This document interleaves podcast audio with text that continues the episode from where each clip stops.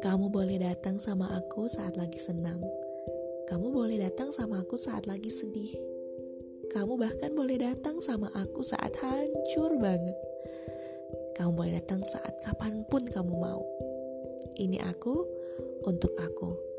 I pour all my thoughts in here on my podcast. Eureka.